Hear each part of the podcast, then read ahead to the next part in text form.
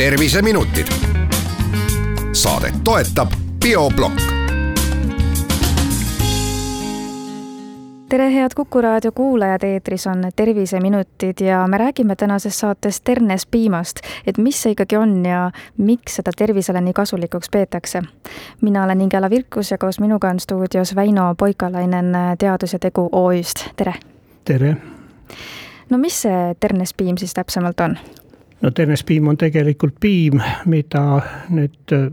imetaja, see on kõigile imetajatele omane, et äh, imetaja eritab siis pärast äh,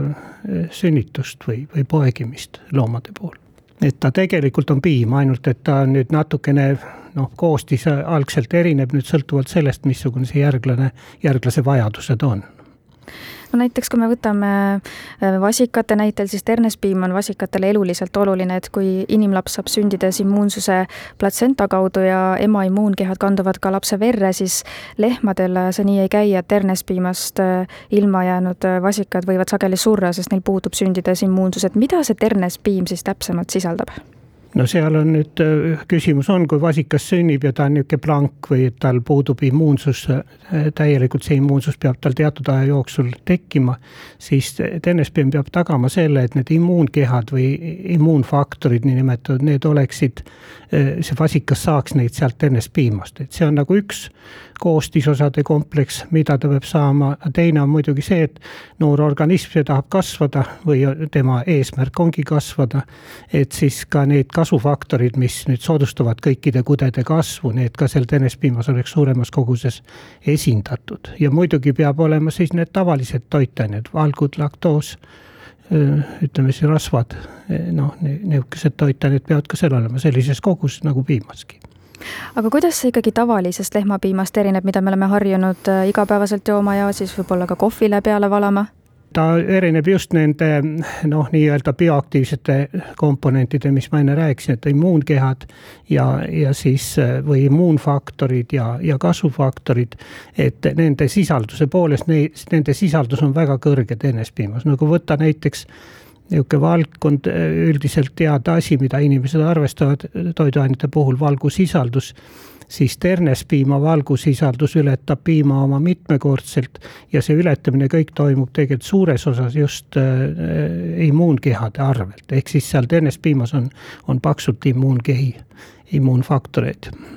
ja need ternespiima immuunkehad sobivad ka hästi inimestele, et ma lugesin, et ternespiima kasutati enne antibiootikumide avastamist mitmesuguste nakkushaiguste raviks, et milliste haiguste raviks või ennetamiseks siis teadaolevalt on täna ternespiim kasulik?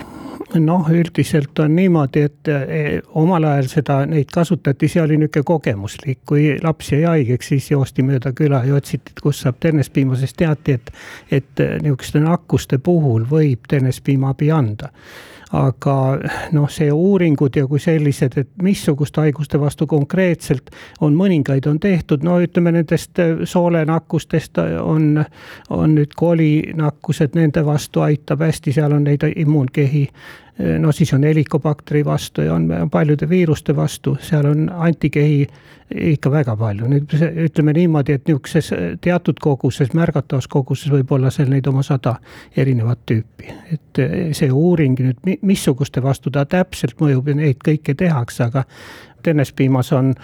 on küllaltki suures koguses, on ka laktoferiini. ja see on niisugune üldtunnustatud mikroobivastane aine, mis on universaalne, et ei toimi mitte ainult teatud tüüpi mikroobidele, vaid väga paljudele bakteritele ja, ja muidugi ka väga paljudele viirustele aga kui ma nüüd sügisel tahaksin oma tervist turgutada, siis äh, kust ma kõige paremini ja kõige lihtsamini selle ternespiima kätte saaks, et mis kujul seda on võimalik tarbida ja, ja kuidas seda ennekõike siis tarbida?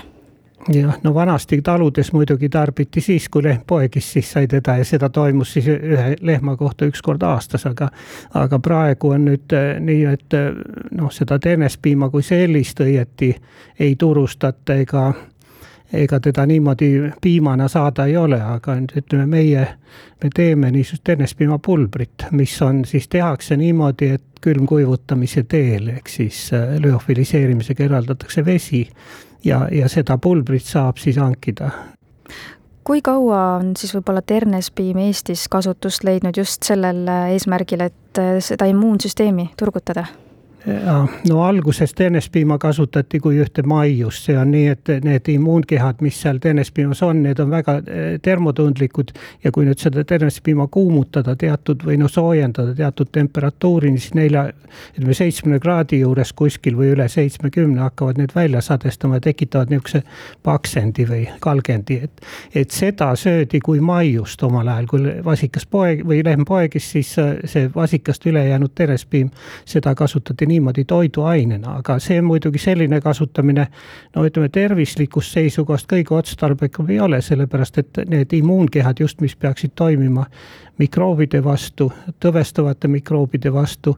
need immuunkehad sellega denatureeritakse ehk nende looduslik toimevõime võetakse ära, et, et see oli nagu omal ajal see kasutus oli nii, et ta oli nagu toiduks, aga nüüd seda teati, et kui värsket ternespiima anda haigele lapsele, et siis see aitab nagu sellest haigusest jagu saada.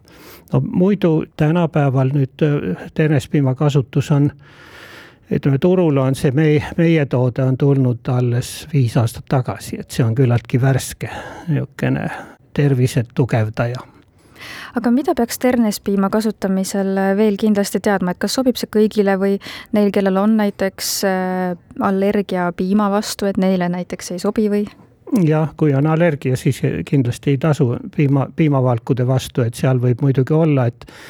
noh, piimavalgud on see on väga niisugune keerukas kompleks, et, et seal võib seda allergiat võib tekitada noh, eh, mõnele inimesele mingi asi ja see inimeste hulk, kes seda selle all kannatavad neid ei tarvitse olla kuigi palju. piimaallergia iseenesest ei ole väga levinud, aga levinud on, on niisugune laktoositalumatus, aga see on hoopis teine süsteem, et inimese organism, kui ta on natuke vanem või on, mõnedel on nii-öelda seede noh, viga juba algusest peale, et puudub ensüüm laktaas organismis, siis ta ei suuda seda laktoosi lõhustada ja siis seda teevad seal mikroobid inimese soolestikus ja, ja see tekitab igast vaegusi, et puhitust ja muid asju, et see on niisugune, et kes on laktoositundlikud, neil seal ternespiimapulbris on muidugi laktoosi ka, olgugi et ternespiimas on laktoosisisaldus oma ligi kahe protsendi võrra väiksem kui tavapiimas ja ma saan aru, et äh, ühe tootena siis näiteks teie teete selle piima pulbriks nii-öelda, et aga mis sellest pulbrist edasi saab, et kas seda pannakse siis näiteks pudrule juurde või, või näiteks lihtsalt süüaksegi lusikaga või kuidas seda tarbima peaks? Mm, jah, üldiselt on niimoodi, noh, meile on nüüd tagasisidet tulnud äh, omajagu selle, selle kasutamise kohta ja väga paljud, kes on siis tunnevad, et kurk jääb kibedaks, et, et on mingisugune niisugune külmetushaigus tulemas, siis nad on võtnud seda pulbrit lusikaga natukene ja hoidnud teda suus, lasknud niimoodi suus imenduda, lahustuda ära ja imenduda, see leevendab seda õige, õige kähku niisugust vaegust. noh, teine võimalus nüüd, kui me neelaksime selle pulbri alla, siis muidugi inimesel on seedeensüümid, mis hakkavad valke lõhustama ja, ja osaliselt võivad lõhustuda ka neid enespiima nii-öelda bioaktiivseid ühendeid et selle vastu on nagu see, et me kapseldame, me paneme kapslisse ja kui tahetakse, et see seedetrakti seal alumises osas see enespiimapulber toimiks, siis soovitav kapsleid neelata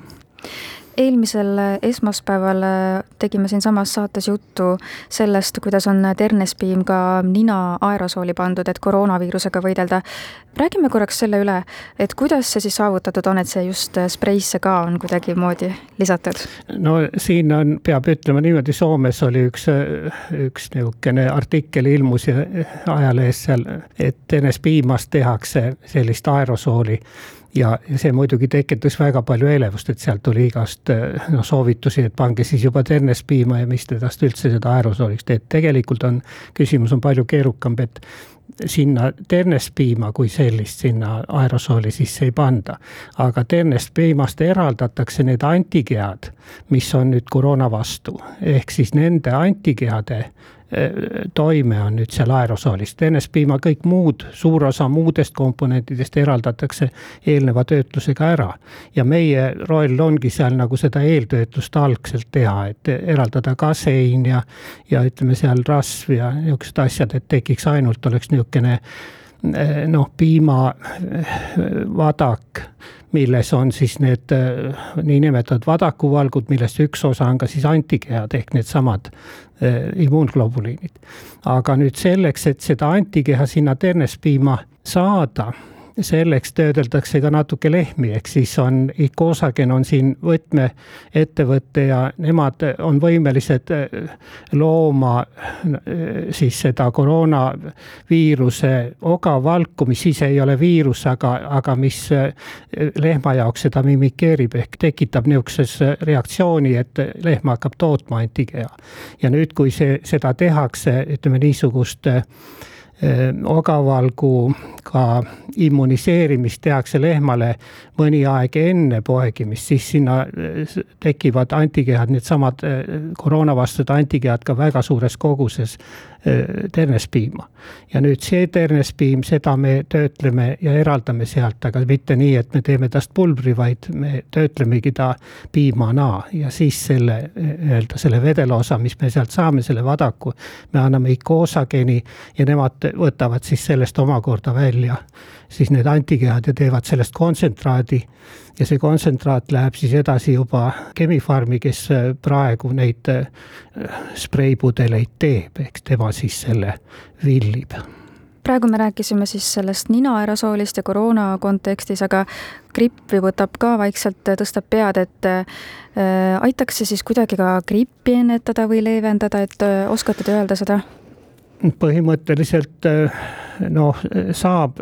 sama tehnoloogiat kasutades võiks siis ka immuniseerida lehma sellesama gripitööve vastu, mis on just, just tulekul. ehk seda jõuaks teha, praegu me otseselt sellega ei tegele, aga põhimõtteliselt see on võimalik. tehnoloogia jääks põhimõtteliselt samaks. ehk siis immuniseeritakse lehma selle gripiviiruse mingisuguse tunnusvalguga mitte selle viiruse enda geneetilise koodiga. ja siis saadakse lehma reaktsioon ja piima tekivad siis sellesama gripitüve vastased antikehad ja need saaks eraldada sama tehnoloogia järgi, nagu me praegu teeme jääme siis põnevusega ootama, mis meil siin turule veel lähiajal ilmumas on, aga suur aitäh teile saatesse tulemast, Väino Poigalainen Teadus ja Tegu OÜ-st ning palju jõudu ja jaksu teile! jah, suur tänu ja teile ka palju jõudu ja jaksu asjade edasiandmisel inimestele! Aitäh! terviseminutid. saadet toetab bioblokk